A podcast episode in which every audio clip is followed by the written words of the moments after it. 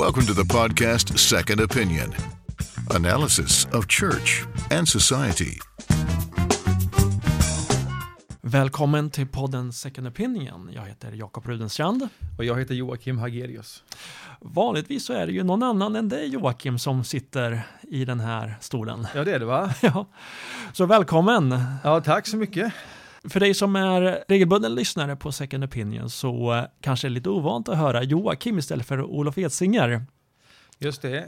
Men jag försöker inte att härma honom, utan jag försöker vara mig själv bara. Ja, men det är bra. Det är Ja. bra. Vi, vi är väldigt mycket för eh, att människor ska kunna vara fria individer här på SIA. Ja, så bra, så bra.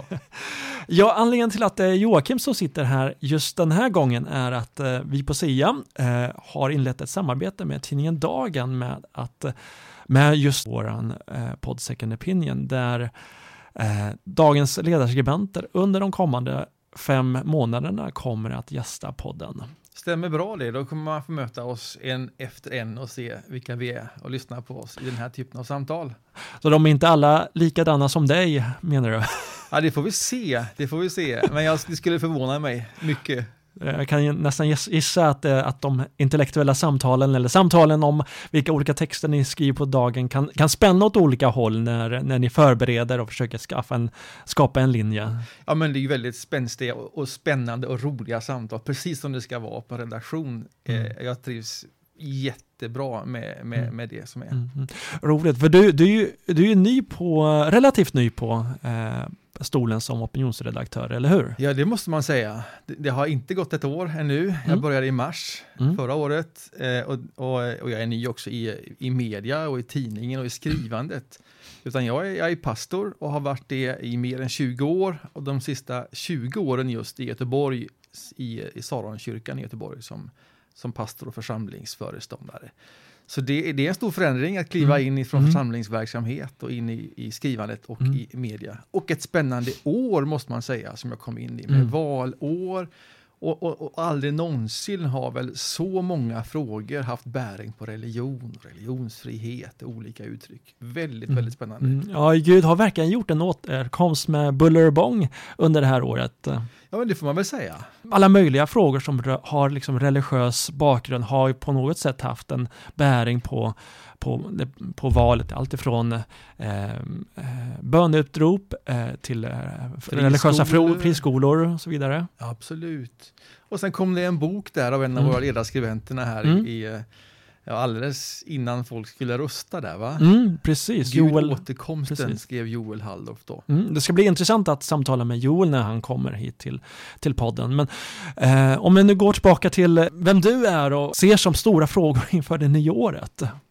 Jag kommer ju från församlingssammanhanget eh, och jag har mitt hjärta där. Mm. Och eh, det som sker nationellt och det som sker på kultursidor och så vidare, det måste ju också ske lokalt och i församlingen. Det måste hänga Mm. ihop på olika Mm. sätt. Eh, och därför ska man eh, eh, inte bara slå sig till ro och, och, och nöja sig med att nu har Gud kommit tillbaks på de stora kultursidorna, nu Mm. talar vi där. Men, men det skapar en möjlighet också för det lokala sammanhanget att knyta an Mm. till det och ta det vidare och göra någonting Mm, mm. med det. Och det är väl en av de sakerna som jag skulle vilja säga inför 2019 och i mitt Mm. eget skrivande också. Mm. Eh, var nu inte åskådare Mm. eh, och titta på det som sker och låt några få spelare formulera sig Mm. i texter på stora Mm. tidningar. Mm. Utan använd detta, bruka Mm. detta och inspireras av det här. Att, Mm. att själv bli en röst i sin stad, i sin ort där man Mm. finns.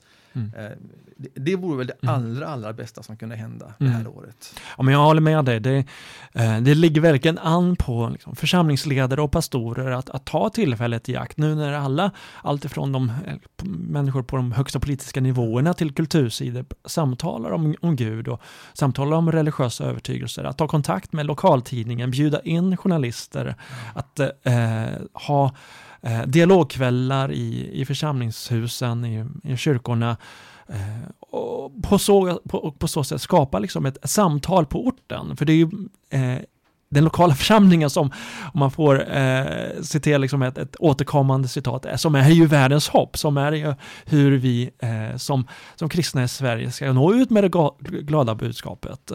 Alltså tron behöver gestaltas, den behöver Mm. bli kropp, den behöver bli påtaglig och Mm. inkarnerad och, då, och Mm. det är församlingen där. Mm.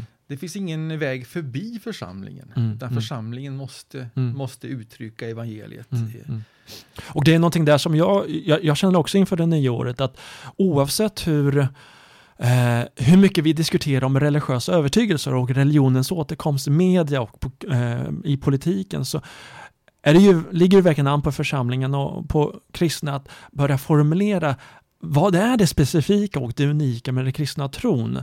Va, det som är vårat hopp, det är, det är Jesus Kristus, att han har kommit en gång, att han har dött för våra synder, att han har uppstått och, att, och eh, det är det som är vårt existensberättigande, inte att vi har någonting positivt att komma med i samhället. Det är en bieffekt av evangeliet. Samtidigt så tror jag att det är väldigt få församlingar som inte har formulerat sig Ungefär som Mm, du gör ja, men jag- omkring trosbekännelser och så. Va? Det är så här, detta är vad vi tror, detta är vad vi förkunnar. Och man är ganska trygg i det Mm. i sin församling, i sin talarstol, i sina sammanhang och husgrupper och så. Utan, men däremot så behöver man börja se på sig själv som en församling, en lokal kyrka eller en Mm. pastor och ledare för den orten där man ser. Alltså Mm. Man behöver flytta ut och formulera sig. Vad är vårt bidrag till det här sammanhanget? Och där tror jag kanske att Mm. man är lite mer osäker. Hur Mm. formulerar vi det? Jag tänkte komma till det och att där är vi, där har vi ju en, en, en utmaning på många håll att att, att prata ett språk som inte känns alls för främmande för, liksom, för den sekulära svenskan, om man nu går till dem. Ja, och så är det. Och, och, och, och samtidigt så tror jag att eh, om man nu ska tro att vi lever i ett postsekulärt samhälle Mm. så ska man heller inte vara så, eh, så, så, så nervös för ett kristet språkbruk. Mm. Utan det kan nästan bli nytt eh, en gång till. Mm, mm. Och, eh, och spännande och en viktig röst in. Så man, man får heller inte spänna sig mot ett samhälle som kanske inte längre finns. Mm, mm. Utan gå in med det med ett stycke självförtroende och gott humör. Och sen inte bara stanna vid orden och bekännelserna. Mm. Utan, utan också orden och bekännelserna måste ju bli kropp och gestaltas. Mm. Och i det diakonala uppdraget, som ju inte bara är en biprodukt av evangeliet, utan det, det hör ju till evangeliet. Det hör till, ja precis. Det är ju en del av evangeliet. Så eh, där kan vi ju kroka arm i alla kyrkor Mm, och, mm. och, och gestalta det handfast. Mm. En av de stora frågorna som nu har varit under det här året rör ju inte minst hur eh, den globala kristenheten har utsätts för eh, massiv förföljelse. Inte minst utifrån liksom, den islamiska staten som nu förvisso håller på att eh, minskar i form av i, i och med att eh, deras, deras områden har befriats, även om det där trots allt pågår en hel, hel del förföljelse. Open Doors har under januari månad gett ut den, den år, sin årliga rapport World Watch List. Och eh, när vi spelar in den här, eh, den här podden i början av januari så har har vi fått en liten smygtitt på, på de trender som pågår och eh, en av de stora trenderna som, eh, som jag eh, noterar i rapporten är att Indien, ett av världens största demokratiska länder, på pappret i alla fall, har, har gått till eh, extremnivån i form av förföljelse. Mm. Och eh, i ett stort antal delstater så har man infört så kallade konverteringslagar. Man vill förhindra hinduer att, eh, att eh, ta emot evangeliet. Och eh, inte minst så är det, det, eh, det regeringspartiet BJP som är drivande i, i de här frågorna. Ifrån, från västs sida så har vi ju liksom haft en liten grann av, en- av en eh, eh, romantisk bild av Indien och inte minst av Narendra Modi som är premiärminister. Vi har haft, från Sveriges håll i alla fall, haft, har vi haft en hel del utbyte med statsbesök i Indien men också vi har haft indiska eh, politiker på, på besök här i Sverige. Där har vi varit väldigt tysta från eh, utrikesdepartementets sida inte minst. Mm. Eh, vad är det du tänker på? Ja, jag, jag tänker på, på hela rapporterna börjar med nya lagar i Kina Mm. som har som syfte att kontrollera alla religionsuttryck. De har eh, fått ett mycket större och, och, eh, utrymme här och det har inte varit så illa i Kina på tio år och somliga menar att det inte varit så sedan kulturrevolutionens slut 1976. Så Kina seglar upp Mm, eh, mm. på den här listan också. Mm. Och, och det är ju liksom intressant att det är både Kina och Indien, eh, två supermakter Mm. i någon mening som Mm. seglar upp De största listan. länderna i De hela... största länderna. Mm. Mm. Och där, där kan man ju tycka någonting om Mm. politiken som du Mm. mycket riktigt gör. Men när det kommer Mm. till Kina så kan man heller inte gå förbi näringslivet tycker jag. Mm. Näringslivet har ett, ett moraliskt ansvar. Mm. Nu har man investerat Precis. stort under många Mm. decennier för man har inte råd att stå utanför den stora kinesiska ekonomin. Eh, och kan man göra det utan att också se den här typen av avigsidor och utan att markera sig mot mänskliga rättigheter? Mm. Mm. Vilket, vilket moraliskt ansvar har Mm. företagen? Mm. Mm. Det tycker jag också är en Mm. intressant fråga ihop med politikens eh, ansvar. Precis. Eh, jag noterar också i rapporten att, eh, att eh, Kina, eh, där, där det finns, i alla fall enligt eh, officiella siffror, omkring 100 miljoner kristna, så är kyrkan den största samhällskraften. Eh, som inte kontrolleras av, av kommunistpartiet och som har i sin tur 89 miljoner medlemmar.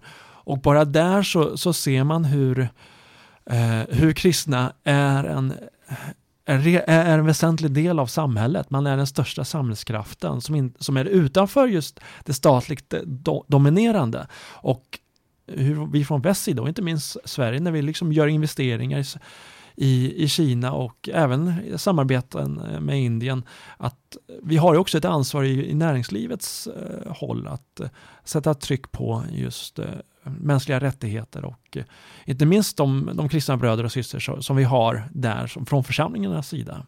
Ja, men precis. Och, jag, och naturligtvis, det här är en jättesvår fråga. Mm. Var det inte Göran Persson som sa på sin tid när han var statsminister, han höll sitt berömda tal och, och, och förtjusade sig över att Kina var en sån, ett sån, med sån stabilitet, hade kunnat bygga detta och så vidare. Mm, mm, Eh, och det där säger man för att man vill komma in i det, man måste komma åt den här ekonomin. Mm. Eh, men det finns, det finns en baksida på denna stabilitet mm, också. Mm. Eh, och det är Precis. den totala kontrollen Mm. och, kontrollen över religionen och begränsningen då till några mm, uttryck som, som kontrolleras av partiet. mm, mm, det är ju det är ju förfärligt, Mm, är väl mm. ordet. mm, mm. Nordkorea är fortsättningsvis eh, på plats nummer ett i, i landet och det, eh, det är bara att konstatera att eh, Eh, de, eh, de samtal som Donald Trump och, och eh, Nordkoreas ledare har haft inte har haft så mycket bäring på, på de, de kristna, eh, kristna situation där. Ett annat land som är intressant utifrån svensk kontext är eh, Afghanistan. Afghanistan ligger på plats nummer två när det gäller faran att vara kristen. Och då tänker jag inte minst på många av de konvertiter som finns i Sverige. Alla de eh, flyktingar som har nått Sverige och fått en, en kristen tro i våra Mm. församlingar. Jag, jag har följt lite grann av Expressen-reporten Magda Gads rapporteringar från Afghanistan och situation för kvinnor där och för, och för flickor. Eh, och det här är också en annan dold eh, förföljelse som har pågått där just, just när det gäller kristnas situation där. Och, och här, här skriver ju också i den här rapporten generellt på skillnaden mellan Mm. förföljelse av män och kvinnor. De uttrycker Mm. så här, va? Alltså, Mm. vad gäller män så är den fokuserad, allvarlig och Mm. synlig. Och för kvinnorna så är den komplex, våldsam Mm. Och dold. Precis, för att man har inte of- oftast kunnat göra de här intervjuerna med kvinnor som, och flickor som har varit förföljda. Precis, precis. Och det är lättare kanske att, att se vad en stat gör eller vad myndigheter gör än vad som pågår i de här eh, sociala relationerna och hedersrelationer som, som finns på många håll.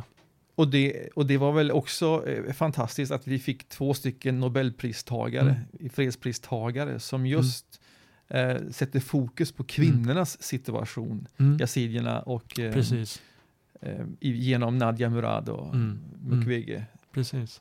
Rapporten som Open Doors ger ut är ju fokus på de kristna. Samtidigt Mm. så finns ju mängd olika människor som är eh, förföljda. I varje land där det finns förföljda kristna, så, eh, eller varje land där kristna förföljs, så förföljs vanligtvis också andra Ja. religiösa minoriteter. Ja, så är det ju. Och i, i Kina till exempel, Mm. som vi talade om tidigare, Mm. så har du uigurerna. Mm. och- som man tror är någonstans eh, 10 miljoner. Och nu kom det ju FN-rapport under förra året här, där Mm. man tror att upp till en miljon av dem, det är en stor andel av de här muslimska uigurerna, har Mm. förts bort i avprogrammeringsläger för Mm. att Mm. komma in i ett annat eh, politiskt ideologiskt paradigm. Mm. Mm. Så att man får inte glömma också de andra eh, religiösa minoriteterna. Mm, precis. Och eh, inte minst rohingyerna som också är, är, ett folk som har fördrivits utifrån från sitt hemland. Mm. Och samtidigt så är ju situationen oerhört komplex. Jag var nyligen med eh, en grupp kristna ledare i Malaysia där man skickar hjälp till eh, kristna bland de rohingiska flyktingarna och eh, ser människor bli frälsta i, i flyktinglägren där och även i flyktinglägren så pågår någon form av dubbel förföljelse. Att, att eh, de som väljer att bli kristna, de som möter Jesus, blir i sin tur utsatta av andra flyktingar. Så eh, situationen i de här uh, olika länderna är så otroligt komplex mm. när, eh, när det gäller utsattheten för kristna men också andra religiösa minoriteter. Ja, det är verkligen så. Det är verkligen så. Eh, du nämnde ju tidigare eh, våra, våra kära Nobelpristagare i Nobels frihetspris. Eh, inte, det var ju otroligt starka tal som både Nadia Morad och eh, Dennis Mukwege höll i i Oslo där. Ja, verkligen. Eh, inte minst Nadja Morads tal som var ett var en vedergällning för all den tystnad som, har, eh, som världens ledare har haft inför den, det folkmord som yazidier och kristna och andra minoriteter har utsatts för i, eh, i, eh, i Irak och, och, i Syrien. Men också, men också Dennis Mukweges tal och eh, jag tänker på det, det som han sa när han var här i Sverige att hans arbete skulle ha varit helt omöjligt om det inte hade berott på svensk pingströrelse. Nej, nej, men det här är ju ett pris inte bara till Mukwege utan det är mm. ju till svensk pingströrelse och igen då till de lokala församlingarna mm. som också har varit med och mm. trott och engagerat sig och varit med och delfinansierat eh, mm. Panzersjukhuset bland annat då. Så det här är ett pris som delas eh, med många utan att ta, ta ifrån Mukwege-priset. Men man mm. ska man också tänka sig att hur, nu får ju han det med all rätt tillsammans med mm. Nadia Murad, men mm. hur många fler Mukweges finns det som, som, som verkar i det tysta, mm. men som mm. lika hjältemodigt tar sig an de här svåra mm. situationerna, mm. som också borde få lika mycket uppmärksamhet och beröm. Det har ju varit en debatt under, under hösten kring den kristna missionens betydelse för, eh, för eh, välstånd, för demokrati och för mm. mänskliga rättigheter.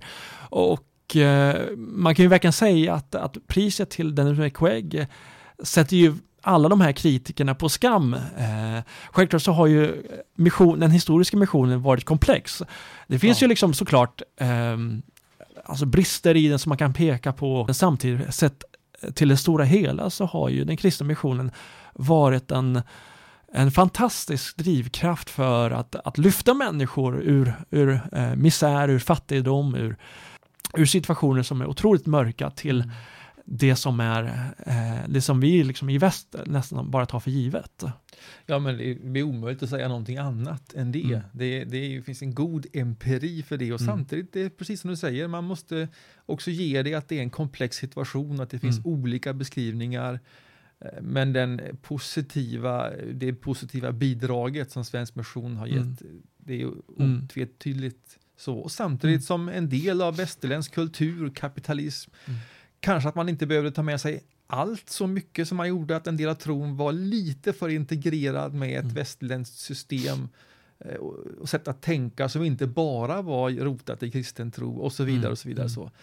Eh, men så är det, det finns ju inga, det finns inga hundraprocentiga insatser någonstans, mm. men mm. det finns all anledning att vara stolt över svensk missionshistoria mm. mm. och, och mm. exemplet Mukwege mm. ju, visar ju det med all önskvärd tydlighet.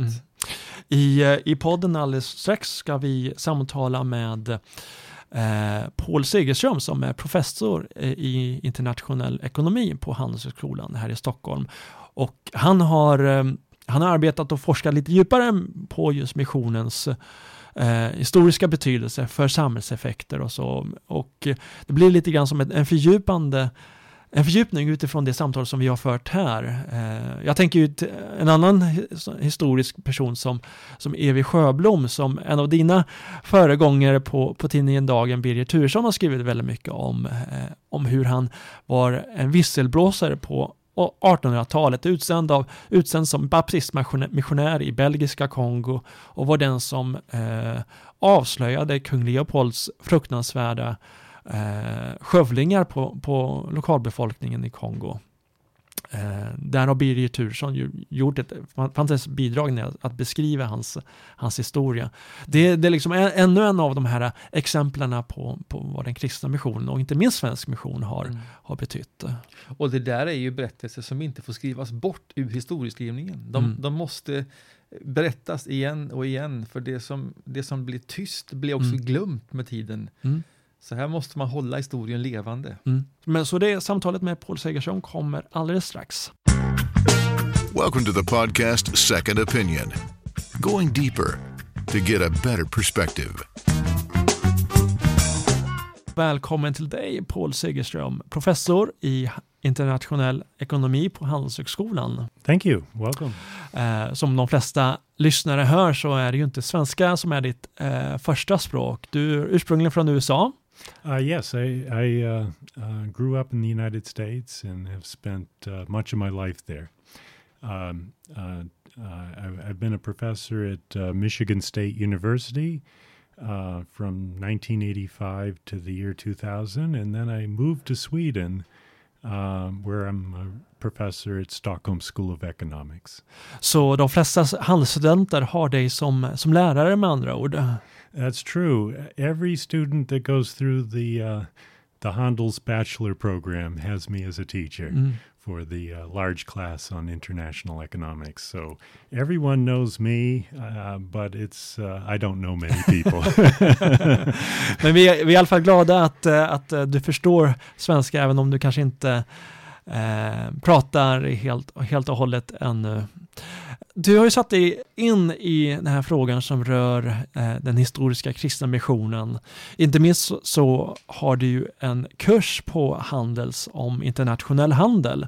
Eh, det är ju väldigt mycket matematik och väldigt mycket eh, föreläsningar om olika formler och ekvationer kring liksom, internationell handel. Men du fokuserar ju under den här kursen på vad är det som skapar välstånd? Vad har skapat västvärldens eh, Eh, stora välstånd och vad, har, vad är det för faktorer som har bidragit till eh, global välstånd också.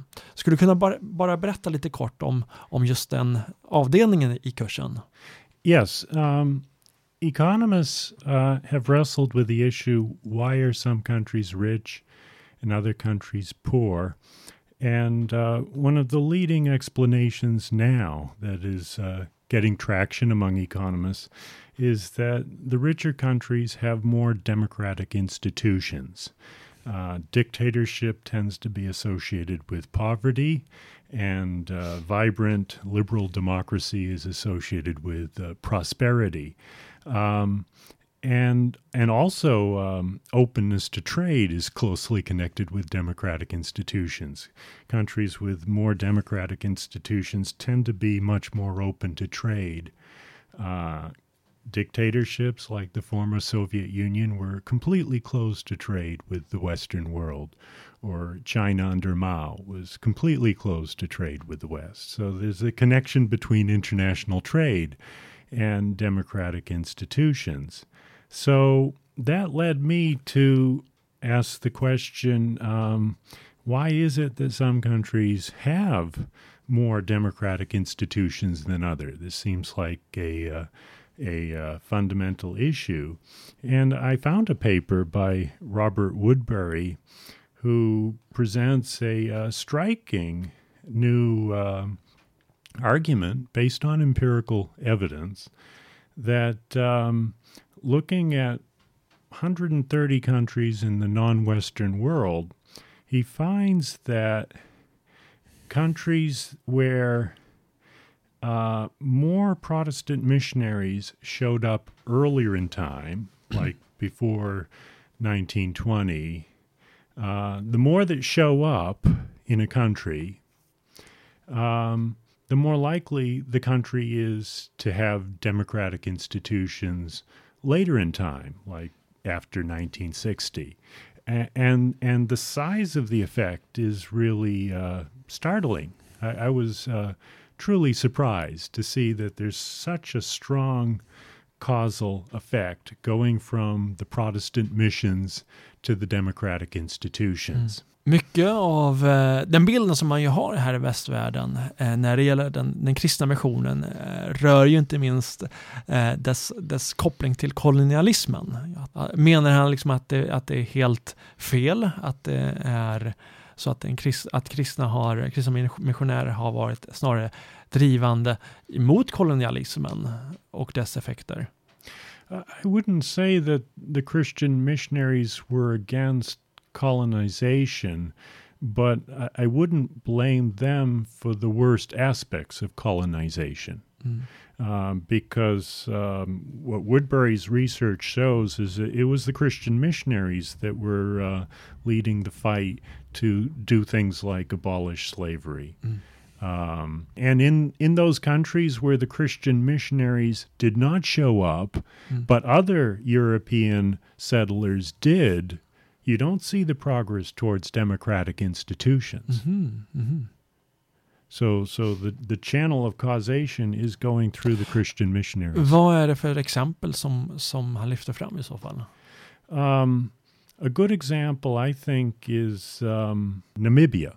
Mm. I, I, actually I went to Namibia recently mm-hmm. with my wife to celebrate my 60th birthday, okay. so became a, a, bit of an expert on the country. Oh. Um, but Namibia had um, had uh, Christian missionaries. Um, for, for, example, in, in the northern part of Namibia, Christian missionaries were showing up around 1870, and they were the very first Europeans to actually live with the native peoples. So, so the very first influence mm-hmm. came from these uh, Christian missionaries, uh, and a lot of them were present.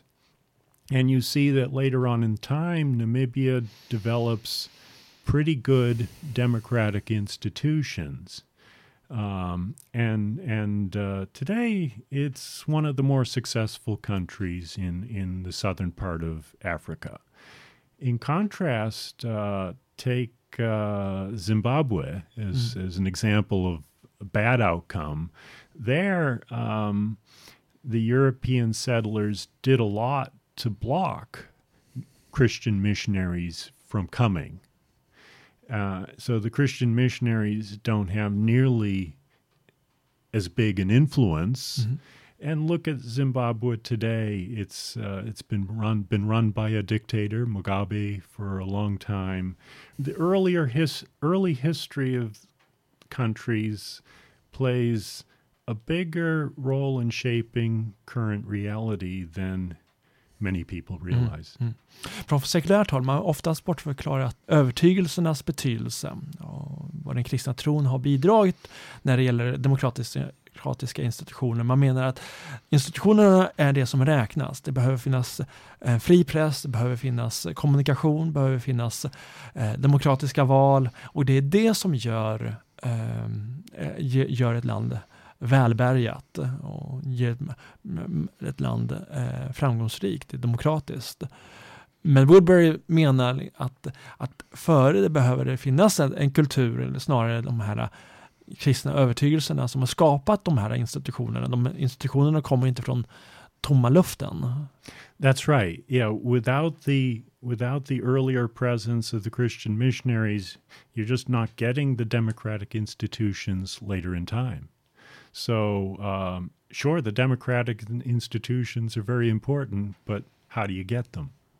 Mm. And it continues to be a highly relevant um, issue today. I, I, look at mainland China and um, um, it's not moving towards democratic institutions. In fact, it, it, it's moving in the opposite direction right now. Mm. So it's it's not like these democrat these good democratic institutions just automatically happen as countries become more developed. Mm. It's not an automatic process. Mm. Uh, yeah, China is moving towards totalitarian dictatorship uh, more and more every day. Vad är reaktionerna bland handelsstudenterna när du lyfter fram eh, den kristna missionens betydelse? Yeah, it's um, many are shocked Um, w- what I have discovered, I, I've had a lot of conversations with uh, professors. First of all, uh, let me take take up that issue first. Um, particularly, I go around to different universities and I give seminars, and afterwards, I'm, I'm taken out to dinner and we have long conversations.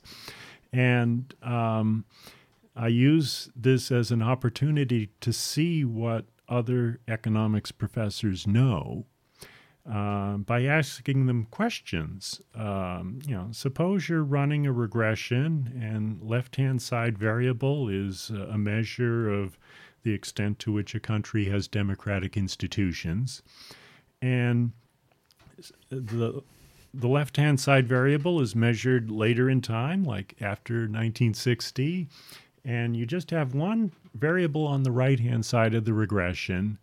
Alltså Um, två stycken axlar, två stycken Yeah, statistiska axlar. that's right. Eller eh, graf, en, en graf eh, som a simple regression uh, and say the right hand side variable is measured in 1920 what, what would be a good right hand side variable that would explain 50% of the variation in the data? And i let them guess. I, I want to see whether they know where democratic institutions come from and they guess and they guess. They guess make guesses like uh, a dummy variable for british colony. I tell them well that explains some of the variation in the data but not anything close to 50% um, they guess latitude distance from the equator i tell them well that explains some of the variation but not close to 50% Att det är för varmt eller för kallt. Har Yeah, varit en av yeah. förklaringarna som många har. Yeah. Whether a uh, country has uh, na- na- uh, rivers, Mm. whether where you can easily get to the interior. Ja, that precis, transporten när det gäller floder och så. Ja. yeah, Mm. that explains something, but not close. And and they just guess and guess and guess, and it's amazing. Um, after about five minutes of guessing, they ask, "Does this variable have something to do with religion?" That's as close as they get. I, I've come to the conclusion that hardly any economists know about Woodbury's research, and consequently, hardly any economics professors know where democratic institutions come from. Students are surprised. Um, the first time I taught the course, um, I had a question on the final exam about this material, and I wanted to see uh, how students would react. And what I found was that the smartest students, the students, the, the highest performing students on the final exam, they were skeptical about Woodbury's analysis. They drew the conclusion that all that's going on is missionaries are going to countries and setting up public schools, teaching people to read. So, teaching people to read the Bible was not what was important. It was just teaching people to read. It was just pure human capital accumulation. That's what they thought. Um, and um, that was the first year. I changed the presentation a little bit the next time I taught the course to try to um, rule out that interpretation of the evidence because um, I don't think it's very plausible that it's just uh, it's just learning to read leads to democratic institutions. And I'll give some examples. Just look at the Soviet Union. Soviet Union had a very good education system. Uh, people, uh, everybody learned how to read and write. Soviet Union produced some of the the best mathematicians and engineers in the world. It was not. Uh, it was not like like uh, just learning how to read and write and then magically you get democratic institutions. Or take another example China today. Hmm. China today is um, really emphasizing high tech education. Edu- hmm. uh, a lot of people are being trained in math and science and engineering. They've gone way beyond learning hmm. how to read, and yet it's a dictatorship. So the idea that you just you just learn how to read and then democratic institutions just magically show up, I don't think it has any plausibility. Alltså att läsa och skriva är ju en viktigt bidrag till människors utveckling och välståndsskapande, men det, är, in- det säger inte hela beskrivningen, eh, om jag förstår dig rätt. Om That's det är det right. du vill säga. That's right. Uh, it's it's it's. Um, I, I find it hard to believe that learning to read the Communist Manifesto has the same effect in promoting democratic institutions as learning how to read the Bible. That, in other words, it doesn't matter what you read; it leads to democratic institutions. And yet, this is what um, Stockholm School of Economics students, the best, initially concluded. Skulle du kunna bara nämna några av de exemplen som han, han lyfter fram i, i sin forskning och som du själv har, har arbetat vidare med? Um, well, he looks at um, he looks at regressions where he has data on 130 countries. What subsequent researchers have uh, looked at, and, and this is not me because I, I- I don't actually do empirical work myself. I'm a, I'm a trade theorist, but but I read the literature. I read the empirical research that others have done and digest mm. what their findings mm. are. Mm. So, how, how the literature has developed since Woodbury is people have done country specific studies. So, instead of having uh, 130 countries, you know, a country is the unit of analysis, they may look at, say, one country and look at different provinces, like different provinces within China. And uh, within China, and if you look at different provinces, do you get better outcomes in those provinces where more missionaries showed up earlier in time? And the answer is you do. If you look at uh, a country like uh, Nigeria and you divide the country up into different parts, uh, in those parts where more missionaries showed up earlier in time, you get better outcomes occurring later in time. So, so the subsequent research, in my opinion, has strongly supported Woodbury's earlier findings. And I've yet to see a, a paper that's um, calling into question the analysis based on some new data source. Yeah. Eh, är det någonting annat som du, som du ser hos Woodbury som, som du har använt i, i, i dina kurser på, på handel som är eh, av stor, stort intresse för, för våra lyssnare? Yes. Um, uh, Woodbury has written one paper where he shows um, that earlier presence of of missionaries in in in countries makes democratic institutions more likely later in time. Uh, and that was what initially attracted my interest. That was a, a shocking result that, that the effects are so big um, and everything else turns out to be statistically insignificant once you control for uh, missionary presence. Um, but he's Woodbury has written a later paper that I also find interesting, where he asks a closely related question, which is um, the more missionaries show up in a country earlier in time, do you get more um, uh, economic development later in time? So he looks at the relationship between missionaries and economic development, measured in a standard way of uh, of GDP per capita, hmm. income per hmm. person, hmm.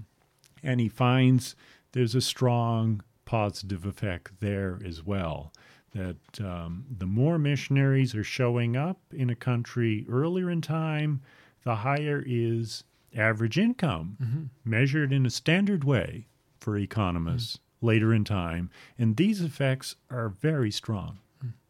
Vad är det missionärerna har gjort eller gör som har bidragit till demokratiska institutioner och den här ekonomiska eh, framgången i ett Um, land? I think it's it's not a, a one answer uh, to this question. I think there's a lot of things going on.